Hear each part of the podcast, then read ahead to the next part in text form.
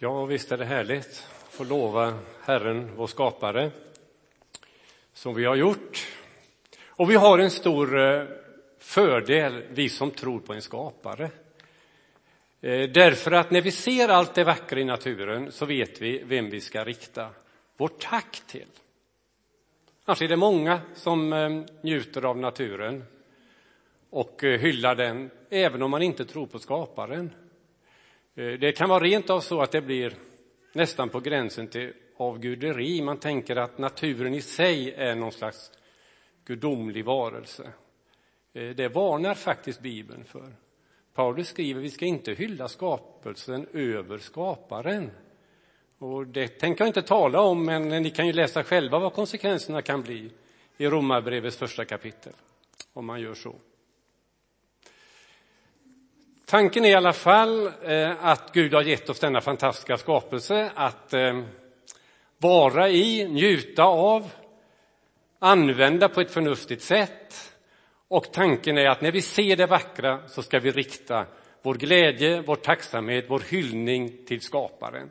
Det är själva tanken också med den här predikan. Men så är det så att när man har en predikan och så säger man att det är inte så bra att ha en envägskommunikation hela tiden. Utan det är jättebra om man får kommentarer, de får gärna vara både positiva och lite rannsakande och så. Det är jättebra. Tystnad är den sämsta responsen på en predikan, skulle jag vilja säga. Och då hände det ju förra söndagen, eh, när Samuel predikade, att det nere vid vårt kaffebord så blev det inte bara prat om väder och ditt och datt, utan det blev faktiskt prat om ämnet för dagen. Och då ska vi respektera det. Och jag fick också några frågor då som jag tänkte att jag på något sätt ska ta upp nu innan dagens predikan. Så ska vi faktiskt reflektera lite över det som ett svar på de eh, funderingar som fanns runt bordet. Förra söndagen handlade det alltså om miljöansvaret och det kan man ju tycka det kanske skulle kommit efter predikan om skapelsen, men nu blev det så. Så det handlar om miljö och vårt ansvar för miljön, bara så ni vet. Eh, och så kom det de här frågorna som, i och med att vi kom in på skapelsen och så, hur gick det till? Och då får man nästan alltid den här frågan, men dinosaurierna? Ja, jag brukar få svåra frågor. Jag har fått svåra frågor om varför har Gud skapat fästingar? Och så har man det här med dinosaurierna. Det är mycket att ta i egentligen, smått och stort så då. Eh, och så var finns dinosaurierna i Bibelns skapelseberättelse? Ja, och då förstår jag den frågan, därför att man tittar på de här underbara söndagsskoplanscherna så är det ju aldrig dinosaurier med. Men så kan man tänka lite längre, vilka är med? Det står inte om elefanten heller. Och det står inte om sköldpaddan som vi har det, det står inte om Karl Johan-svampen, det står inte om eh, den här, eh, det här silverfallet. Det står inte om någonting specifikt. Det det står är att Gud har skapat allt. Och det räcker. Eh, och då vet vi det. Gud har skapat allt. Och finns dinosaurierna så har han skapat dem, eller fanns dinosaurierna så har han skapat dem. Så enkelt är ju det. Då. Sen är ju inte Bibeln en lärobok i biologi och därför så finns inte några beskrivningar av skapelsen, utan det är ju vår uppgift. Antingen får vi läsa biologi eller så får vi forska själva. Så får vi reda på hur det egentligen var. Eh, sen var det, varför dog dinosaurierna ut? Då finns det lite olika teorier om det också. Och det här är ju så förfärligt länge sedan så det är svårt alltså att fatta det med tanken. De fanns ju alltså i oerhört stor omfattning under väldigt lång period i eh, jordens historia. Man brukar räkna med mellan 245 miljoner år till 65 miljoner år. Så de eh, dog verkligen inte ut snabbt. De dominerade jorden så lång tid så man kan nästan fundera på hur, hur var det möjligt? Och klarade det så lång tid. Och sen hände det någonting med miljön och man vet inte riktigt vad det var då, men kan ha varit ett meteoritnedslag som inte tog kål på dinosaurierna i sig som många tror, alltså att de drabbades av själva chocken eller någonting sånt, utan det var klimatet som förändrades på grund av denna eh, meteorit som slog ner. Och då kan det vara intressant för att få lite perspektiv. Det dog ut jättemånga arter då. Dinosaurierna var ju väldigt många arter, men även andra arter dog ut. I stor skala då, det vet man ju. Men om man jämför med hur många arter som dör ut idag på grund av människans effekt på miljön så dör det ut fler arter nu. Så miljöförändringen är större idag än den var, det här man talar om, det som hände dinosaurierna. Eh, 70 arter per dag dör ut idag. Normalt under eh, tidens historia, jordens historia, så rör det sig om kanske fem till sex arter per år. Det är normalt. Så någonting har ju hänt. Så för att få lite perspektiv, andra perspektiv, jag vill inte ge så många siffror så här, men vi pratade ju också om eh, eh jordens resurser. Och då sa vi att jordens resurser räcker för våra behov, men inte för våra begär. Skulle vi leva, skulle alla på jorden leva som vi gör i Sverige, då skulle vi behöva tre jordklot. Skulle alla leva som man gör i Amerika, så skulle vi behöva fem jordklot. Det här är bra siffror för alla att veta, de är så enkla. Skulle vi leva som de i Bangladesh, så skulle det räcka med tredjedels jordklot. Så resurserna är inte jämnt fördelade. Sen var det det här med två grader och temperaturförändring, det är väl inte så farligt. Det är ju till och med bra för oss som bor här där det är så kallt om det blir två grader varmare. Eh, varför ska vi begränsa det till det? När vi hade naturvandringen i Gunnebo i våras så eh, hade vi barn med och jag tänkte hur ska man säga det här till barn? Då frågade jag om de hade haft feber någon gång. Och det har ju barn haft, de visste vad det var. Och eh, om man har två grader feber, vad är det då? Ja, då mår man inte bra.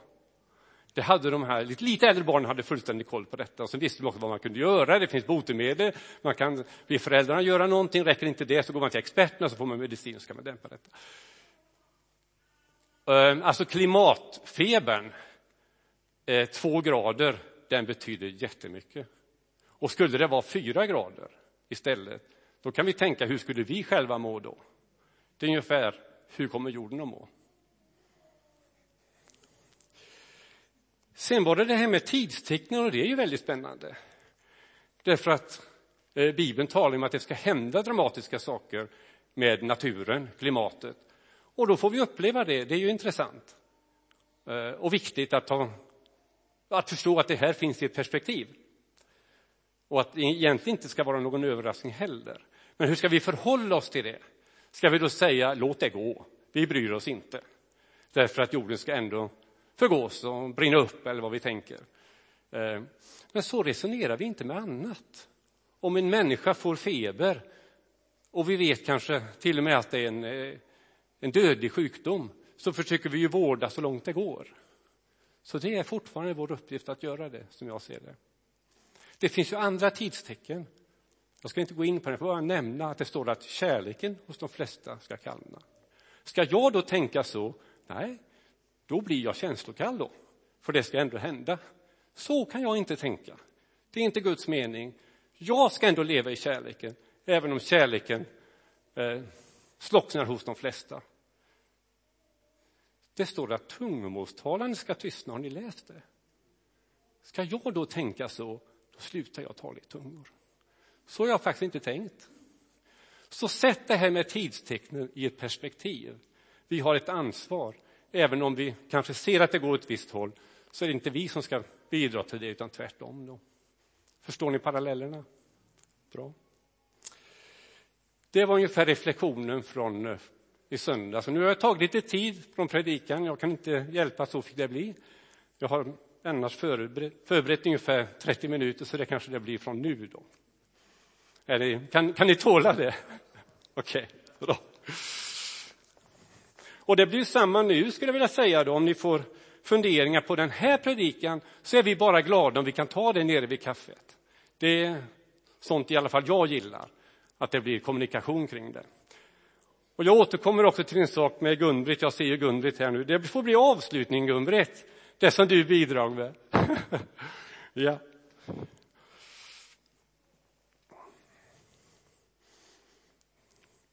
Herre, jag tackar dig för att vi får vi får hylla och lova dig för allt som du har skapat så förunderligt och så mäktigt och så härligt. Tack för att vi får röra oss, vi får vara i din skapelse som är så förunderlig. Tack för att du har skapat oss som människor så övermåttan härligt.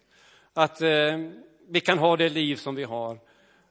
Och framför allt, Herre, så vill vi lova och hylla dig idag för att du är den store skaparen. Du är designen, du är tanken bakom allt, Herre. Och det vill vi den här gudstjänsten speciellt hylla dig för. Tack att vi får göra det, Herre. Amen.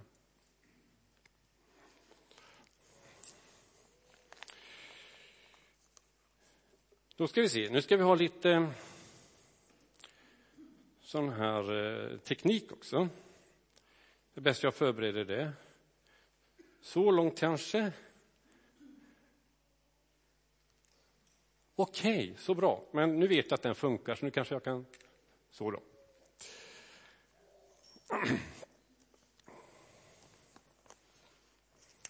Jag tror jag ska stå här så att ni, då, då ser alla bra där. Är det okej? Okay? Det blir ju lite skevt det här att stå så långt snett, men det är för att ni ska se där. Så vi, vi kan köra så. Det här med att Gud är skapare, Eh, det är ett centralt tema i Bibeln som eh, går igenom från början till slut. Och jag, I vanlig ordning kommer jag att läsa många bibelställen. Jag kommer inte att vika på den punkten, även om några har antytt att det är för mycket bibelläsning. På den punkten bryr jag mig inte om att lyssna på kommentarerna. För att det måste vara så, annars, kan ni, annars får ni ta någon annan predikant. Så får det vara. Eh, så vi ska se lite från början då. Eh, när Jesus talar om sina liknelser så är det också väldigt mycket det utgår ifrån eh, eh, skapelsen, naturen. Vi har ju fåren, vi har fåglarna, vi har liljorna, vi har säden på åkrarna. Han förhåller sig också till skapelsen väldigt ofta i sin undervisning. Och kommer ni ihåg hur det var när eh, Paulus skulle presentera Gud för atenarna? De hade ju massa sådana här altare runt om. Och så gick han och tittade på det. Fantastiskt vad många gudar de har. Och sen såg han inte ner det, utan han sa så här, men jag har en som ni har missat. Och det är han som har skapat himmel och jord. Och då tänkte jag så här, varför hade de ingen sån förut? Hur tänkte de? Men vi går inte in på det. Vi ska presentera Gud Fader som skaparen. Det slår faktiskt igenom. Eh, nu ska vi se, då måste jag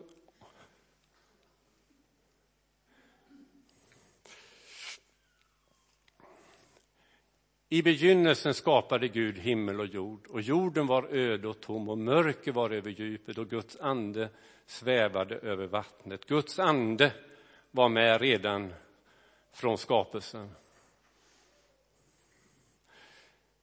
Gud sa låt oss göra människor till vår avbild till att vara oss lika. Det där är ett fantastiskt ord.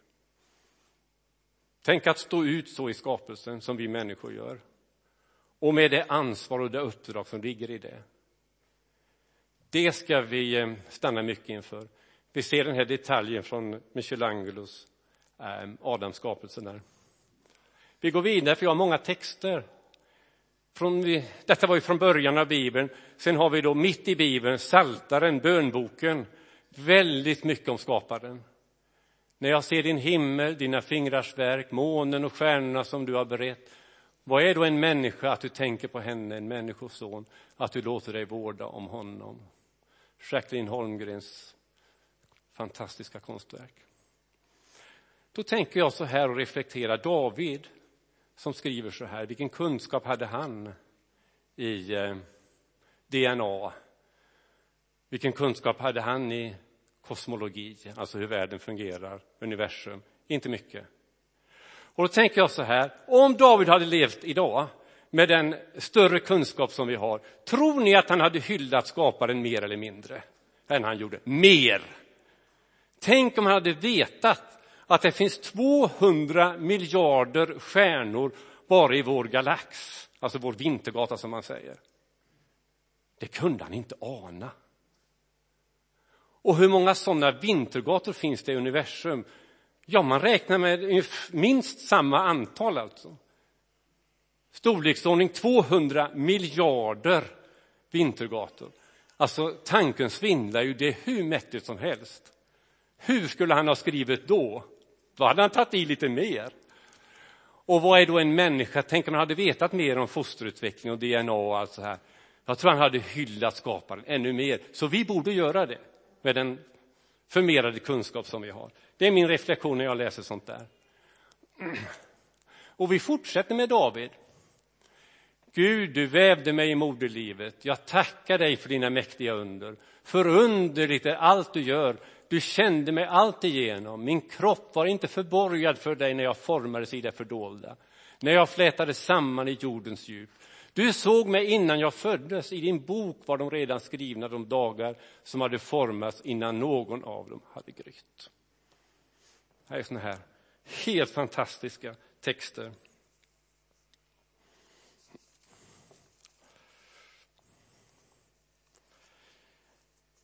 En parallell förresten kan ju vara det här jag berättade om stjärnorna.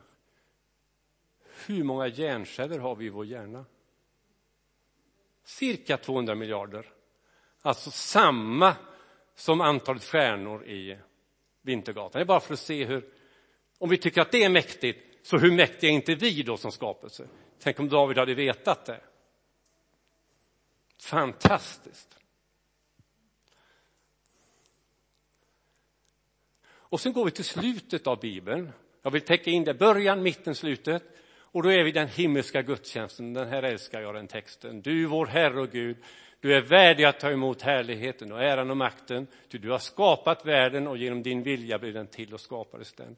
Det är så som lovsången inför tronen alltid startar, med Gud som skaparen. Och jag tänker faktiskt att jag ska vara med där. Och i, i vilken mån jag kan sjunga, det lämnar jag åt andra att bedöma. Men jag tror att jag kan göra det då i alla fall. Det hoppas jag verkligen. Och eh, ska vi inte öva oss lite för den här händelsen här på jorden? Jag tycker vi gör det i den här gudstjänsten. Så visst är det rätt. Vi har sångövning, helt enkelt.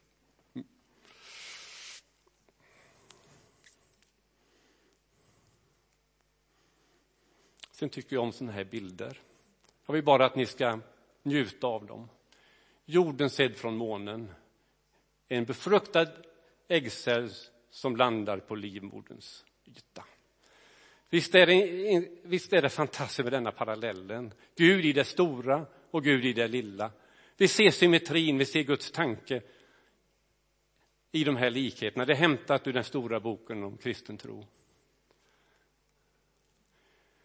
Och sen vet vi, barn som föds, den bilden eh, tror jag vi har koll på de flesta av oss. Och vi som är lite mer intresserade av astronomi och kosmologi, vi är intresserade av de här, hur ser det ut när en stjärna föds? Och det är också någon slags likhet. Och då vet vi att detta håller på hela tiden. Stjärnor föds idag, barn föds idag. Det finns sådana fantastiska eh, likheter i det stora och det lilla som är så fascinerande. I alla fall tycker jag det. Och då vet vi att jag skulle bli den jag är så har jag DNA och arv med mig från mina förfäder. De kan tycka att mitt temperament är lik min farfar. Eh, det kan inte ni bedöma, för ni kände inte honom, men så är det. Och eh, eh, min fysik är lik min pappas, och så vidare. Så det behövs generationer bakåt för att jag ska bli den jag blir. Och nu är det någonting som ni kanske inte har hört. Det behövs generationer av stjärnor för att vi ska kunna sitta här, för att liv ska kunna skapas. Så vi är också resultat av flera generationer i Guds stora skapelse. Visst är det mäktigt. Gud är hela tillvarons Gud, jag skriver, Gud är hela livets Gud och Gud är inte luckornas Gud. Det där är en sak som jag skulle vilja tala mycket om, men vi har inte tid med det. Men i princip är det det att Gud finns också i det naturliga. Inte bara i det övernaturliga när det händer konstiga saker. Jag hyllar Gud för att han är naturens Gud. Så när varje barn föds så är det ett naturligt under där Gud finns. Så vi kan alltså säga, som jag gör ofta vid barnvälsignelse, det är 50 procent mamma, det är 50 procent pappa, det är 100 procent Gud. Och då menar jag verkligen det. Gud finns i det naturliga. Inte bara när det råkar hända något konstigt som Gud ska gå in och peta i. Gud är mycket större än så.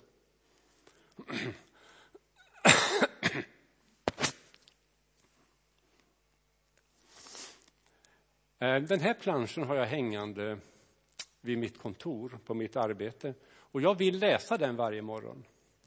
För den betyder mycket för mig när jag finns i den miljön som jag gör på Chalmers. Nobelpriset i fysik 2006. Universums första ljus. Det är nästan som man känner det här. Gud sa ljus bli till. Så jag vill bli påmind om det. Vad sjöng vi i sången? Ditt ljus genomtränger mörkret. Det är också här. Och inte bara det, en av de här nobelpristagarna som jag lyft ut där ni ser, George Smoot, sa ju så här som det står där, för mig som troende är det som att se in i Guds ansikte när han såg det här hur naturen, hur skapelsen formades strax efter begynnelsen, alltså skapelseögonblicket, Big Bang. Ehm, det citatet fick man aldrig läsa i Sverige.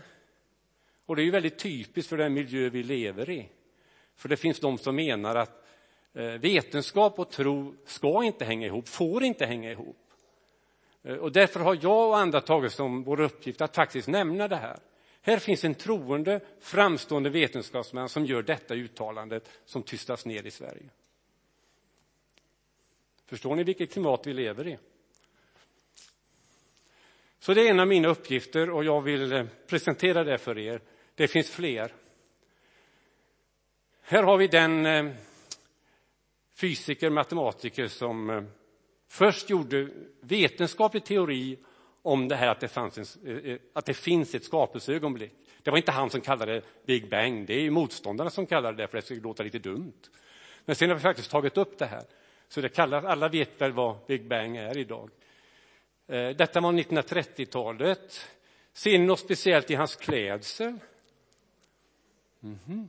Han var faktiskt präst också och de kallade honom för Fader Lemaitre bara för att skoja lite med honom. Men han höll på det. Det ser ni att han föreläser inte i teologi. Han föreläser faktiskt i fysik där. Men han har den där skjortan på sig. Och jag tycker det är lite häftigt. För mig också, för jag vill ju på något sätt ha båda de rollerna också. Ehm. Påven på den tiden, Pius den tolfte, han ville göra en väldigt stor sak av det här. Okej, okay och så korresponderade han med Lemaitre då också att fantastiskt, eh, nu är det ju så att vetenskapen har bekräftat att det finns en, ett skapelseögonblick. Det här är ju någonting för oss troende, för det har vi ju alltid sagt. På den tiden vetenskapligt så trodde man nästan inte så, så trodde man inte så. Man trodde att universum hade alltid funnits och sett ut som det gör idag. Och det, går ju, det är ju svårare att, att förena det med vår kristna tro. Så påven ville passa på. Men då sa Lemaitre, lugna dig pappa. Eh, vi måste väl undersöka detta först. Det är ju bara en teori, jag har det på papper. Så, vi får väl se hur det är. Eh, skulle det varit idag, när, när bevisen finns för Big Bang, så är det ju annorlunda. Eh, så han var lite spännande, den där. Han, han höll på de gränserna mellan teologi och vetenskap, men han var på båda sidorna, så att säga. Är det någon som har en klocka? Jag har ingen klocka.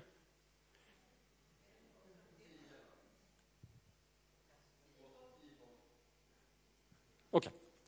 Okay. Det är bra. För det här är saker som man kan prata mycket om men som eh, man också kan eh, nästan lämna därhän. Men det som även vetenskapsmän eh, fascineras över det är ju att skapelsen är så väl ordnad, så detaljstyrd. Samuel sa det förra söndagen att jorden är som skapad för att hysa liv. Och han talar om då avståndet till solen, vinkeln och allt det här. Och då kommer man på den här tanken så här kan det inte se ut utan att någon har tänkt. Och det kallar man för den antropiska principen. Antropos betyder människa. Och eh, den starka varianten är då att eh, någon hade tänkt att människan ska skapas för att kunna observera den här underbara skapelsen, kunna beskriva den och kunna hylla skaparen. Universum har just de egenskaper det har för att vi människor ska kunna skapas och utvecklas. Och sen finns det då en mer filosofisk variant, den svaga, som säger att om inte universum hade haft de här egenskaperna så hade vi ju inte funnits till och då kunde vi inte grubbla över saken.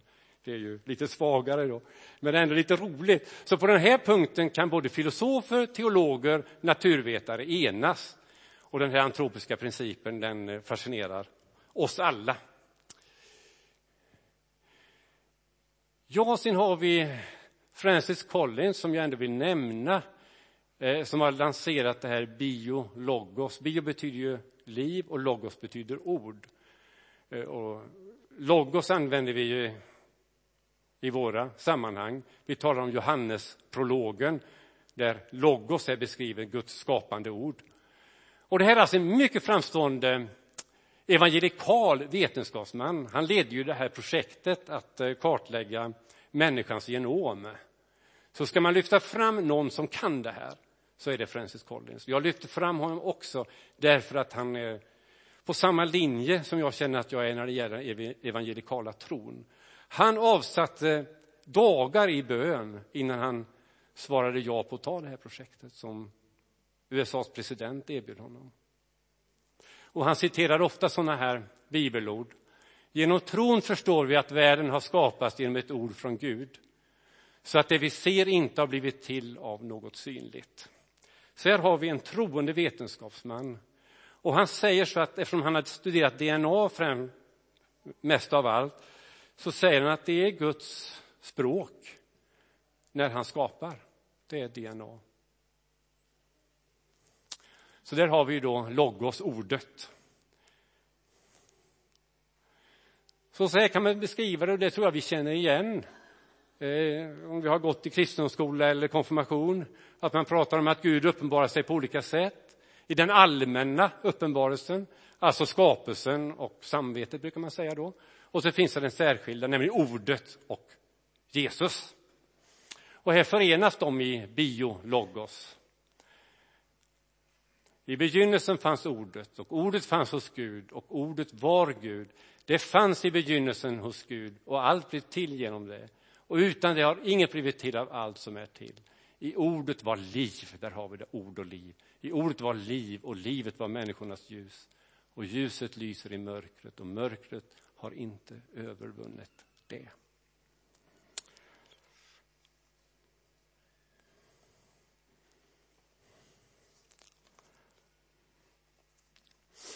Det är ju fantastiskt det här att i, i vårt DNA som finns i varje cell så finns hela informationen om oss. Så i dina hudceller finns information om hela din kropp. Även hur dina hjärnceller ska fungera. Och jag, jag, tror att, ni vet att Paulus skriver om kroppen med alla lemmarna. Och jag tror att han har fått det lite av sin medarbetare Lukas som var läkare, att reflektera över kroppen. Skulle det ha varit idag, Lukas läkare idag, med kunskap om DNA, eh, så tror jag att de istället hade talat om just det. I varje cell finns fulla informationen om oss som hela människor. Och jag blev påmind också i söndags om att jag någon gång hade sagt att DNA är en sån kompakt lagringsform. Så om vi tar DNA från alla människor som har levat från tidens begynnelse till idag och lägger ihop det, hur mycket plats tar det? Mycket mindre plats än det som ryms i min hand. Så när vi säger att Gud har hela världen i sin hand så kan vi faktiskt tänka oss det rent fysiskt. Och jag tänker rent av så här. Den informationen har Gud. Så det är absolut inte svårt för honom att återskapa varenda människa när den tiden är inne. Han har koden, han har språket, han har DNA. Så därför är det inte svårt för mig att tro detta, att vi ska omskapas sådana som vi skulle varit, utan fel och brister dessutom. Så det är ju helt fantastiskt. För DNA är perfekt, sen kan det bli fel av miljö och så.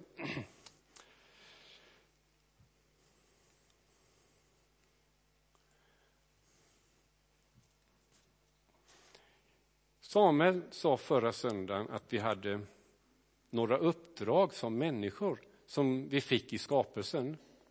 Och då var det första att uppfylla hela jorden. Och då sa Samuel, det kan vi bocka av, för det har vi lyckats ganska bra med. Och det andra var att förvalta skapelsen, vårda den. Det har vi lyckats mindre bra med. Det ska jag inte upprepa, för det hade vi förra söndagen. Men sen finns det tredje uppdraget som jag vill säga något om. Och det är det här, medarbetare att ehm, studera naturen, upptäcka den, kartlägga den. Var får jag detta ifrån? Ja, jag får det från det här att när Gud skapar, enligt skapelseberättelsen, så sa han till Adam, kolla nu när djuret kommer, vad är det för någonting? Ger det ett namn. Och då vet vi alla att namn i Bibeln betyder mycket mer än just några ord som betecknades som sättas så på. Namn betyder, hur hänger det ihop? Och där får Adam den, det uppdraget som inte är färdigt än. För nya arter skapas ju än idag. Och då har vi uppdraget att sätta det här i sitt sammanhang. Så kan inte jag se den texten som något annat än att Adam ska ge namn åt alla djuren. Vi har det uppdraget, att ta reda på hur det, hur det hänger ihop. Och här har vi några då. Eh, jag hoppas ingen misstycker att jag tog med en Eva också. Visserligen var det Adam som fick uppdraget, men jag tror att vi kan säga att kvinnorna får vara med. Är ni med på det? Om ni tycker något annat så får ni, får, får ni säga till mig med kaffet, så kan jag vid nästa presentation ta bort tjejen där.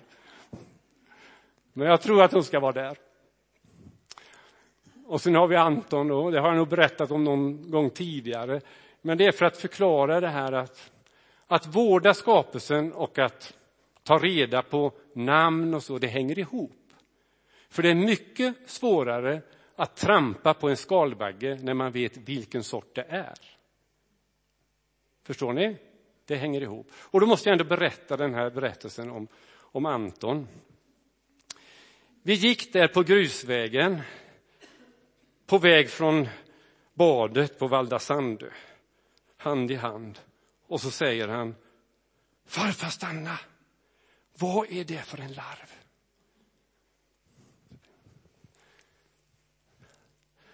Jag vet inte säkert, men jag tror att det är en fjärilslarv. Farfar, vi måste flytta på den. Här går massa folk. De kommer att trampa på den och då blir det aldrig en fjäril. Så vi fick flytta den. Så. Det var också vid det tillfället som jag sen passade på när jag hade gått lite fram och så sa jag så här.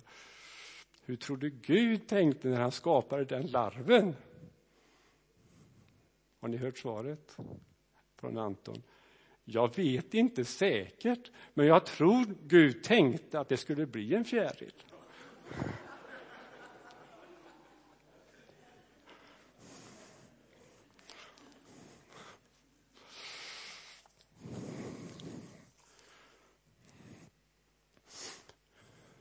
Gör jag någonting konstigt? Jag gjorde jag faktiskt. Så där har vi Anton med skalbaggen och sen har vi Carl von Linné om vi ska nämna en svensk framstående naturforskare så får vi välja Linné. Då. Det var ju han som sa att ja, det är visserligen Gud som har skapat, men det är Linné som fick ordning på skapelsen. Så han följde det här uppdraget som Adam fick ta reda på, sett i ett sammanhang. Och sen har vi några andra höjdare där som jag tar med bara för att, när jag kan säga också om Linné, han sa också det att när han gick fram och såg hur vacker skapelsen var, så var det som att se Gud på ryggen. Så tänkte jag, här har Gud gått fram och skapat och så kommer jag efter och så ser jag. Men de flesta som granskar det här uttalandet, de säger också att han menar faktiskt något annat. För han var ju varmt troende, Linné. Han menar så här, att det finns ett annat sätt att få se Gud. Inte bara på ryggen, utan ansikte mot ansikte. Han sa det inte så uttalat, men man förstår att det var det. Ansikte mot ansikte i ordet och i Kristus. Här såg han Gud på ryggen. Eh, Darwin har jag bara med för att många tror att han var ateist, så jag vill bara säga att han var teist.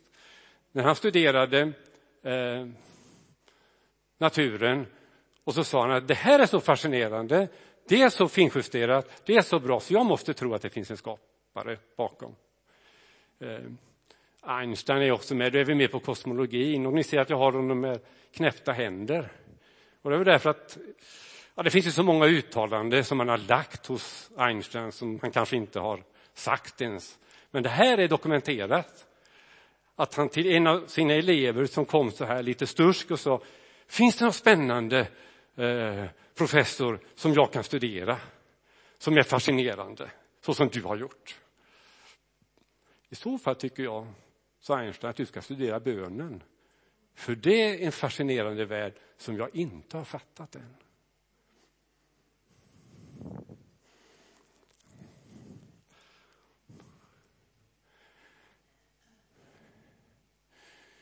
Jag vill också säga om människans uppgift det här.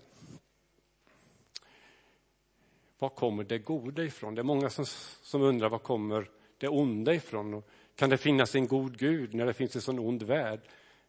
Eh, jag brukar ofta vända på det och fråga hur, hur kan det finnas något gott om det inte finns en Gud? Ehm, vi hade ett seminarium med Stefan Gustafsson här som var på ämnet Varför gör sig Gud inte mer synlig? Och då skulle jag vilja säga det kanske är vår uppgift som Kristi kropp att göra Gud synlig. Jag tror att vi har att bidra där i varje fall. Så Gud gör sig synlig om församlingen blir synlig. Och vi har ju den här fantastiska texten som precis säger det. Ty det är Gud som verkar i er så att ni både i vilja och gärning förverkligar hans syfte. Så varför gör sig Gud inte mer synlig? Då måste jag ta till det till mig också. Hur kan jag göra så att Gud blir mer synlig? Jag har några exempel här, men det finns ju jättemånga fler. Jag vill bara ta de bilderna.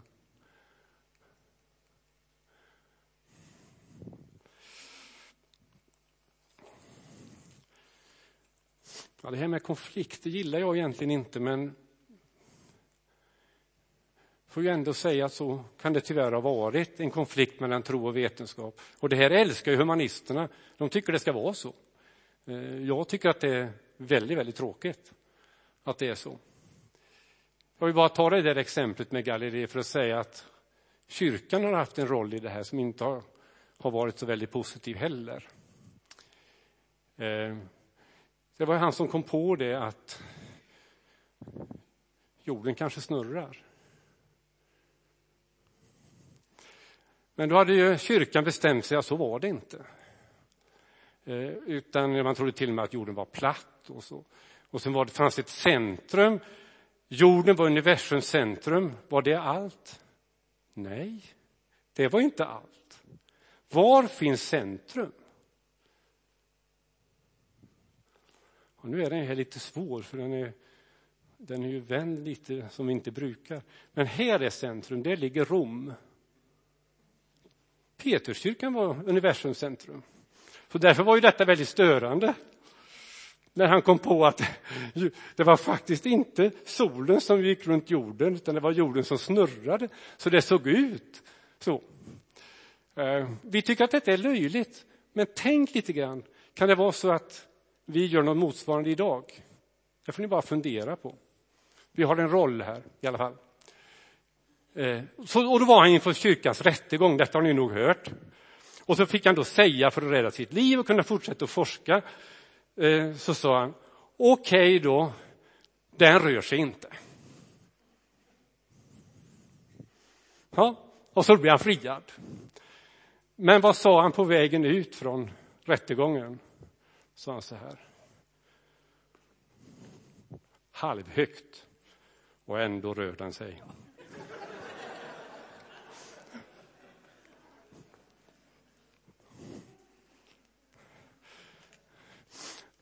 Och en fantastisk sak med det här är att han lämnar inte sin gudstro, utan han resonerar som vi bör göra. Om Gud har skapat oss med förnuft så vill han att vi ska använda det. Jag kommer att fortsätta studera och fascineras av hans skapelse. Han kunde ju lämnat allt ryggen. Kyrkan hade han hela tiden svårt med, och det kan jag fatta. Men hans gudstro var inte rubbad.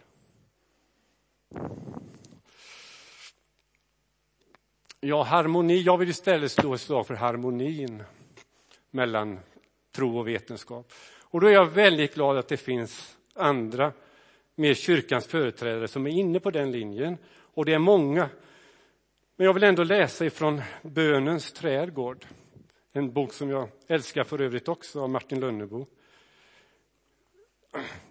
Det är som Saltarens bönbok. Hur kunde David ha skrivit idag? Jag tror att Martin Lönnebo är lite inne på det. Så som det var i begynnelsen är den här lilla andakten. Innan något var, var Gud. Gud har inte någon början, ty Gud är Gud. Den stora explosionen skapar i ett ögonblick alla kända grundämnen. Den slungar ut materien mot oändlig rymd och utvidgning likt en skimrande såpbubbla. Universums historia är Guds skapelses historia. Det som var av begynnelsen. Så stiger havet ur det salt, så stiger livet ur det salta havet. Så gror gröna växter, så blåser den syrerika vinden, så vattnar regnen jorden, så reser sig människan. Så bygger hon ett altare. Så lyfter hon sina händer mot sin skapare och säger Ära vare Fadern, så som det var av begynnelsen. Så går hon till ro för nattens vila. Hon är inte längre ensam i universum. Hon är inte betydelselös. Hon har sagt ära. Hon är ett löv på ett träd vars rötter sträcker sig ner mot begynnelsen. Och där är Gud. Genom vårt universum andas livets ande hopp och kraft från evighet till evighet. Och så den texten. Vilket djup av rikedom, vishet och kunskap hos Gud. Aldrig kan någon utforska hans beslut eller spåra hans vägar. Ty av honom och genom honom och till honom är allting. Hans är härligheten i evighet. Amen.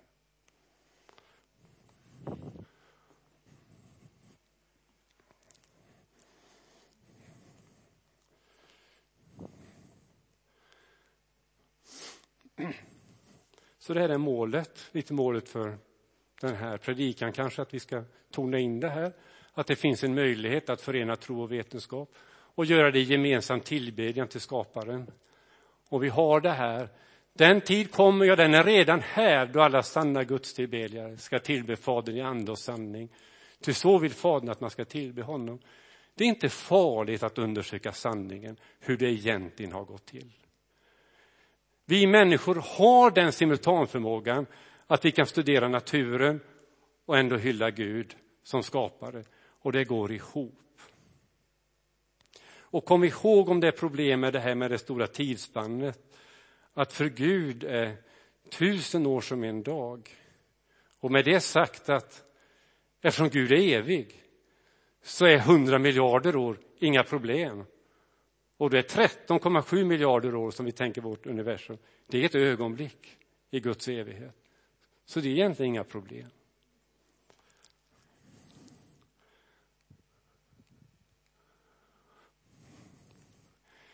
Den här har jag med, ni känner igen den, ni som var på Alla helgona, då hade jag den. Om eh, livscirkeln från födelsen till där vi igen tas emot av den hand som skapade oss och går in i den eviga världen. Det är texten här som är viktig i det här sammanhanget. Allt har han gjort skönt för sin tid. Johanna har också lagt evigheten i människornas hjärtan. Dock så att de inte förmår att till fullo från början till slut fatta det verk som Gud har gjort. Vi måste också vara ödmjuka och säga vi har inte fattat allt.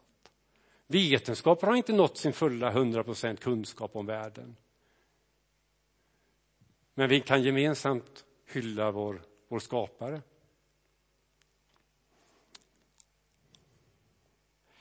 Nu Gundret vill jag tacka dig.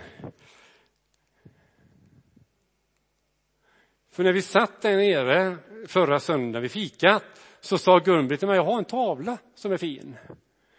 Eh, och då ser ni jorden i händerna där, Guds händer tänker vi. Och sen stod det att det var Fader vår, eller hur Gun-Britt? Det visste jag inte först. Och det ser man inte så tydligt här, på, men det står Fader vår där under händerna. Och då tänkte jag så här. Vi kan be Fader vår tillsammans. Det kan vi faktiskt. Det passar väldigt bra här. Och vi kanske rent av kan be det med större inlevelse än vi brukar göra. När vi ber om förlåtelse för våra skulder så kan det även innefatta att vi inte har tagit så bra hand om hans skapelse. Det är rätt att tänka så. När vi ber om brödet som vi behöver, då kan vi tänka på det vi sa förra söndagen, att jordens resurser faktiskt räcker för våra behov, men inte för våra begär. Så därför är det precis lagom att be så här, som vi ber i Fader vår.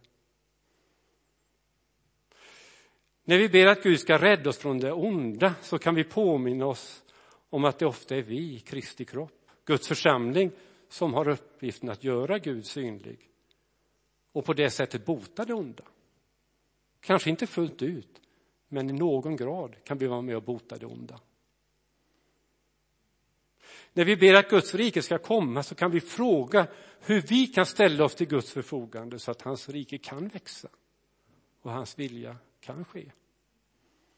Tänka så. Ska vi stå upp och be den här bönen? Nu kan vi göra det med inlevelse, tror jag.